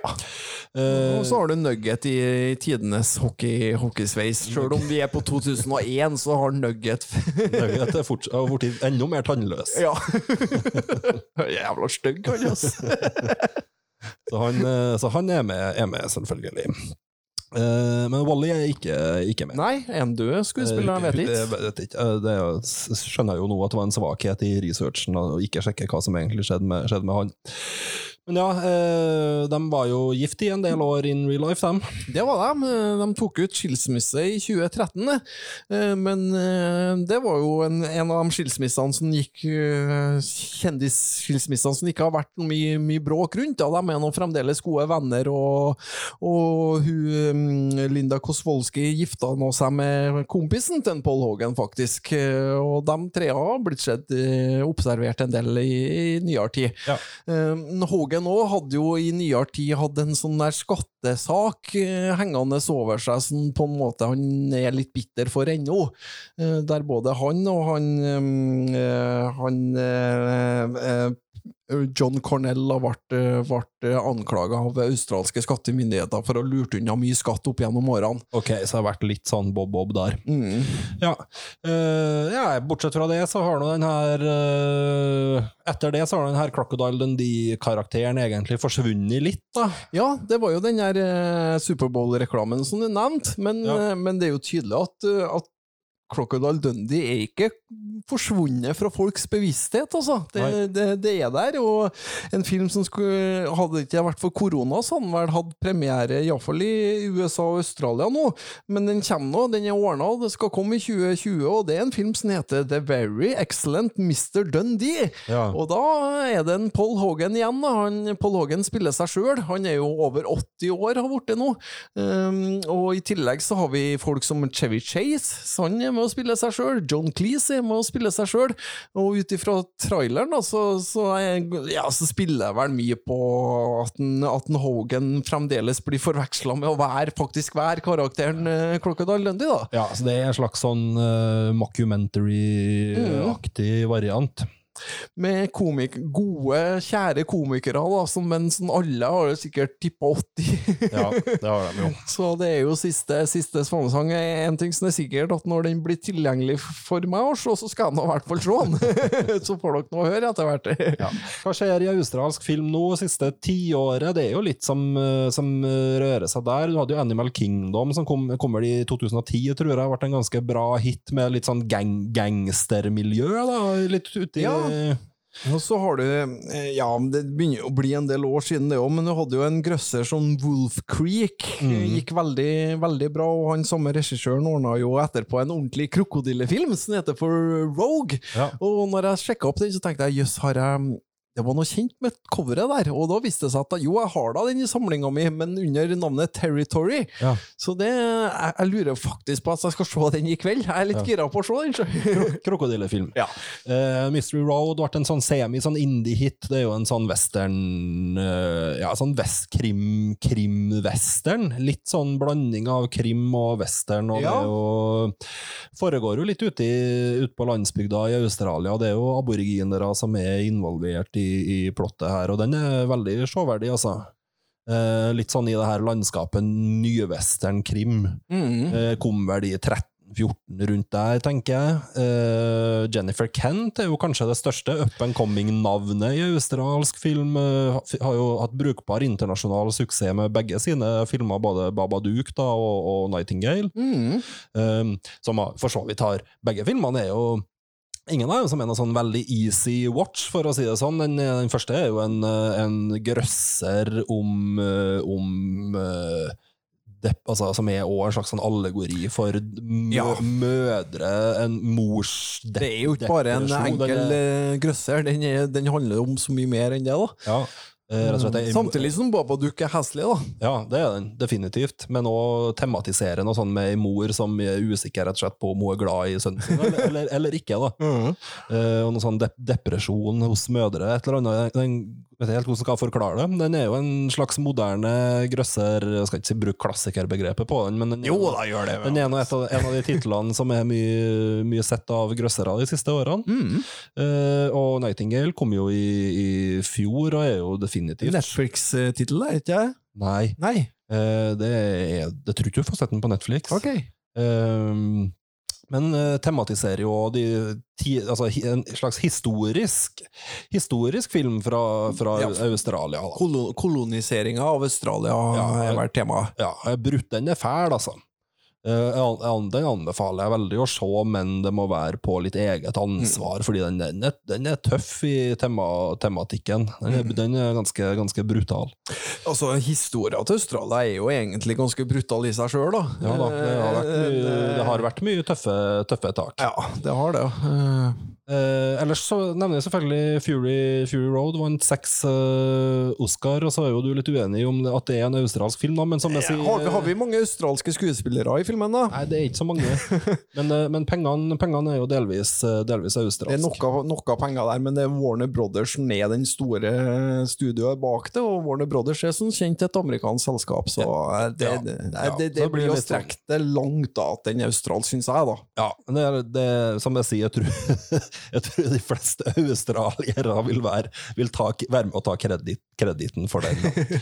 Eh, ja, sinnssykt bra film. Det er det i hvert fall ikke noe tvil om. Uh, ja. Og Nei, den det- første Mad Maxen er u, Ja, både eneren og toeren er vel utvilsomt eh, australske filmer, og så begynner vel mer og mer amerikanske penger egentlig å styre, styre hva som skjer i treeren og fireren. gjelder nok litt for Bess Lerman sine produksjoner òg, skjønner du. Ja, det Så tror det er litt sånn grenseland. De regnes som australske filmer, alle Mad Max-filmene og alle Bess Lerman-filmene, men eh, jeg er ikke helt uenig med deg i at det der er litt som min ser det. Ja, og, og for å ta Crocodile Dundee-filmene, så er det utvilsomt den første. Det er en australsk film, og så er toeren og treeren mer amerikanske produksjoner. Ja. Eh, så der får man nå vurdere litt sjøl hvor man mener grensa, grensa går, da. Eh, men i hvert fall, eh, sånn er det. Det er en liten statusrapport for australsk, eh, australsk film. Eh, nabolandet New Zealand vet vi jo at har sin egen industri med Peter Jackson og Taika Waititi og litt diverse som, som foregår der. Og så, ja. Det kan jo være vi tar en tur, eh, tur der en gang òg, men eh, Videre ikke nå. Peter Jackson-maraton. Jeg er med på den, jeg. Taika Waititi-maraton. Ja Har han eh, Skulle han lage noe Star Wars-greier nå? Ja, det hadde kommet noen nyheter om, ja, men eh, det, jeg fikk sånn todelt feeling på det her. Ja ja, han får nå sparken etter to måneder, da, og så blir det erstatta med en- JJ Abramson eh, eller en Ron, en Ron Howard, og så ordner en strømlinga firer. tannløs firer. Ja, Ja. for det er det som har vært tendensen. ja, bortsett fra Ja, nei, jeg skal ikke ta den Star Wars-debatten. Den tror jeg vi tar en annen gang. Ja, men jeg bare tenker Nei, jeg- solo, da. Ja, Hvor kul kunne ikke den ha vært, og så ble den bare Ja. Ja. Og den mener jo fortsatt at den beste som er lagd i nyere tid, nær sagt, er den der de slapp til en, ordent, en, en ordentlig regissør da, i Ryan Johnson. ja. Um, men ja, nok om, eh, nok om det. Uh, vi tar med oss en kultfilm helt på tampen, og da er det Her er litt sånn ønske fra Her har vært et ønske fra meg, egentlig. Ja, det var jo for så vidt det, men jeg ble noen glad når du kom med det ønsket, for at det var en film som jeg hadde kunnet tenkt meg å se igjen sjøl. Ja. og du, du spurte jo kan du ta den derre Dobbermann? For den dukka opp i bevisstheten min. Farsken, den husker jeg. Så for meg det der coveret de står på framsida der og poserer med litt sånn blå-gul skrift. Mm. Har det jo, har det jo her. Ja, der har det. Men Vincent Casella og Monica Bellucci, som er var store navn i fransk film rundt eh, millenniumsskiftet. Mm. Eh, Så det der eh, er jo en film som kom, eh, kom da i 97, eh, regi av eh, en kar som heter Jan Kuhnen. Eh, Men i Norge så valgte eh, Fikk denne filmen veldig til oppmerksomhet, for at det ble en veldig kontrovers rundt det da, da den skulle lanseres da i 1998. Og sjefen for Oslo kinematografer, som het for Ingeborg Moreus Hansen, hun nekta rett og slett å sette opp filmen. Husker jeg det? Det var kontrovers. Hun sa det at eh, det var noe av det verste og mest spekulative hun hadde sett i sin karriere. Og, eh, og det var, jo samme dama òg som forbøy å sette opp Kronenberg sin krasj i 1996. Ja. Men den her var visst enda, enda verre enn den her. Um, Regissøren han eh, ble jo intervjua rundt dette her fordi at han fikk nå vise filmen på Rockefeller. For altså, filmen i seg sjøl var ikke forbudt i Norge. Den var, gikk gjennom sensuren og alt sånt der, så det var rett og slett Ingeborg Moreus Hansen som sa at nei, vet du, jeg, jeg syns ikke at denne filmen var noe bra. Nei. Så at jeg si- sier at ingen i Oslo skal få se den. Og, og når regissøren da møtte opp på visninga i, på Rockefeller, da, så, så, reagerte han jo øh, veldig sterkt på det her, og uttalte at ei dame på 60 år skal bestemme hva folk mellom 18 og 30 skal se. Det finner jeg latterlig. Et ungt publikum forstår seg på mitt filmatiske uttrykk. De forstår ironien og det tegn den tegneserieaktige stilen. Eldre mennesker er det tydeligvis verre med.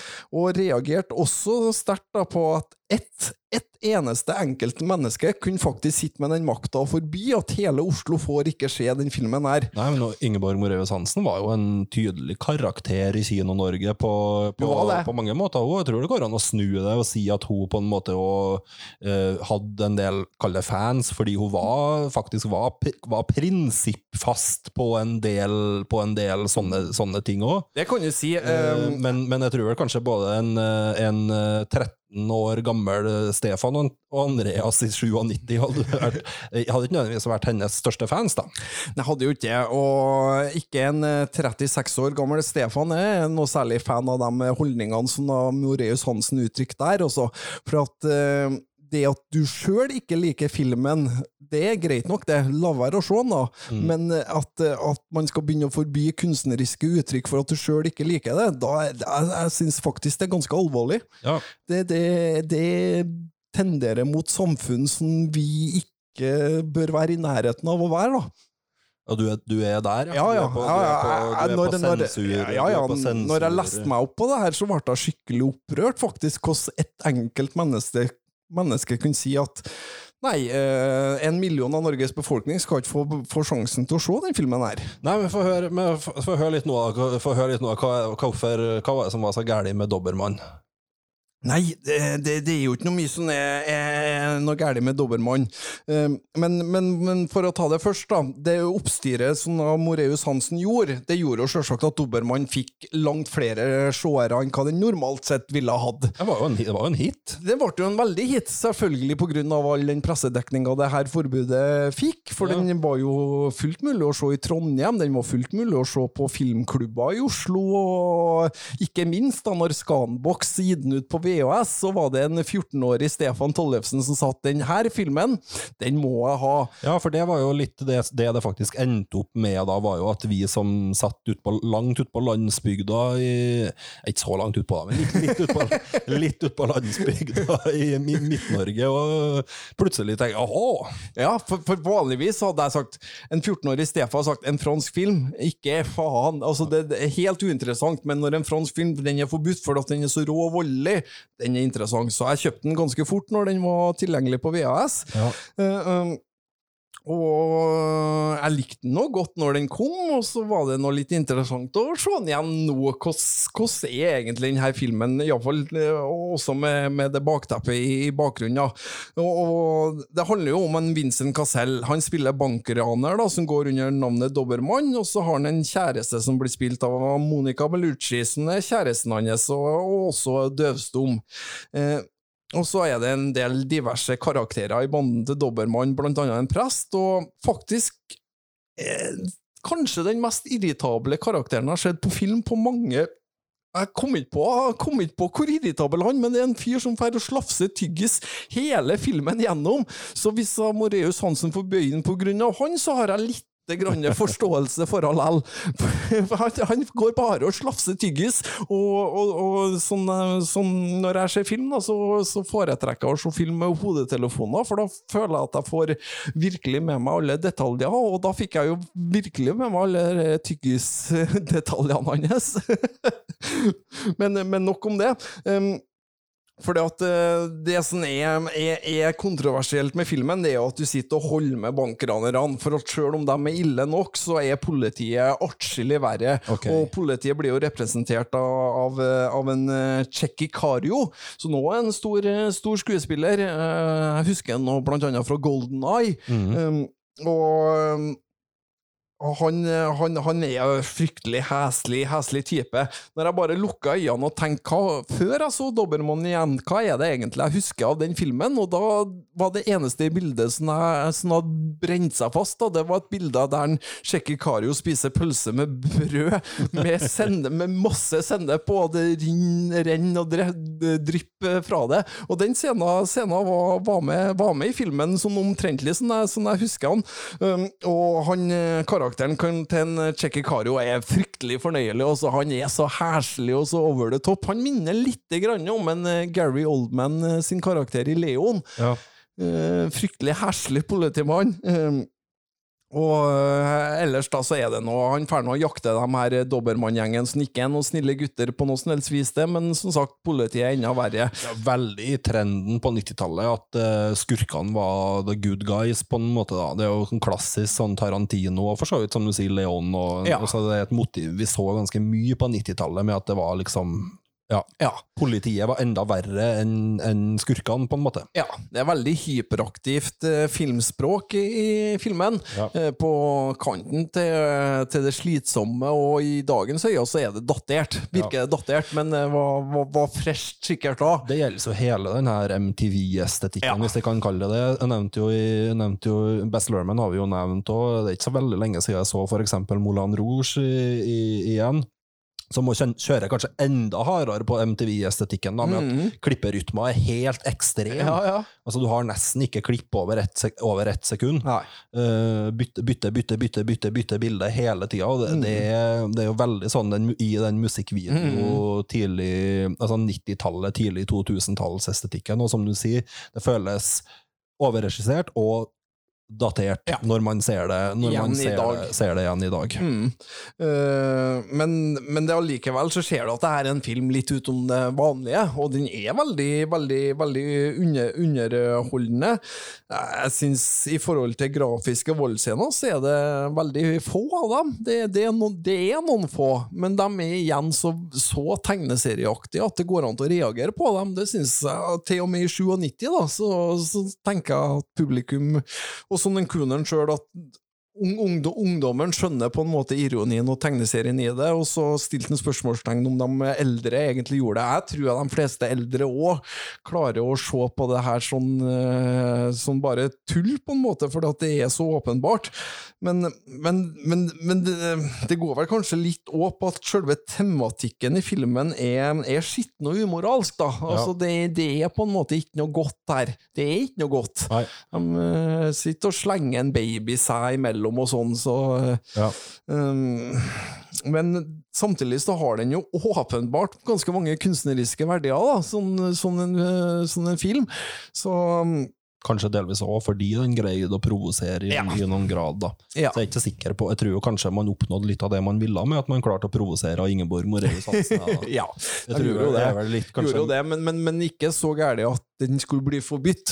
forbudt det, det, var vel nok, Men at den skulle provosere, det er helt klart en del av målet av Det Den var jo lagd for å pushe sensuren rundt omkring, helt sikkert, ikke sant? Ja, ja, ja. Tatt høyde for at altså, det, det skjer jo av og til at filmer ikke, ikke blir eh, ikke, ikke får ei aldersgrense, på en måte, eller Mhm. ikke blir, altså, blir not, not rated. Men den her er, den er snill også. Den, den, den, det er ikke Ja, med dagens øyne så er det helt uforståelig faktisk at de kom, kom til å tenke på tanken på å forby denne filmen. Ja, for jo, fikk jo akkurat det samme en to-tre år etterpå med Itchy the Killer, skjedde jo mye av det, mye av det samme. Mm. Eh, og den, også, den er jo drøy, det er ikke tvil om at det, ingen tvil om det. det er ikke tvil om, det ikke tvil om det, samtidig så er jo den også veldig tegneserieaktig. Den er så overdrevet at det er... med akkurat det her med den, men, men det her formspråket, da, med, med kaller du det her Yakuza-mangaen eh, fra, fra Asia, med de her store blod... Altså de her vannslangestrålene med blod som spruter, og sånt som det gjør i, i Itchy Killer, det er jo et formspråk som ikke var etablert enda i, i Norge. Eh, Som man var avhengig av at man hadde sett en, at man var ganske inni kan du si, asiatisk Det som på tidspunktet var subkultur, tross alt, i Norge, for, Ja. å, for å skjønne Itchy the Killer, eh, Battle Royale, eh, de filma, eh, og delvis òg etter hvert delvis også etter hvert Oldboy og de filmene her, da, i riktig kontekst. Ja, det, det, det er et godt poeng også. Så det kan godt Det er ikke Men Itchy the Killer er jo faktisk ja, forbudt på hjemmemarkedet per dags dato. De, eh, Another World gitt ut en norsk utgave av den. Heldigvis har jeg den sjøl i samlinga mi, men etter den hadde vært ute på markedet et par år, så kom den faktisk, og det, det var ikke av Moreus Hansen eller Kinomatograd, det var Norges filmsensur som sa at den her skal ikke gis ut i norsk, eh, norsk utgave. Ja. Og det har vel bare skjedd med den og A Serbian Movie, så vidt meg bekjent, etter at man slapp opp alle filmene igjen da på starten av 2000-tallet. Ja.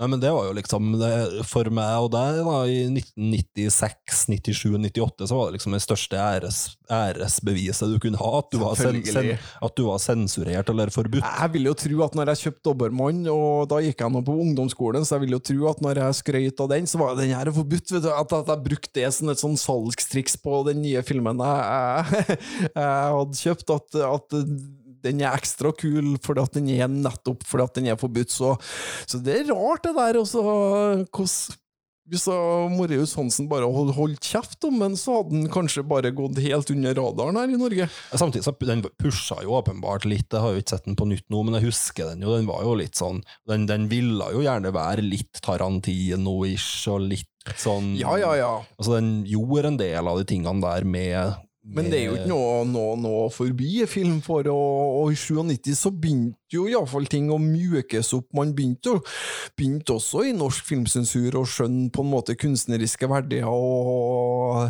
Ja, ja nei, det der, den diskusjonen der eh, Det skal veldig, veldig, veldig veldig, veldig mye til før jeg tror jeg ville ha vært enig i å forby en film. da. Ja. Eh, men klart at aldersgrensa kan jo ha sin funksjon. Det er en annen sak. Det er en helt annen sak. Men Det endelig en krokodillefilm igjen.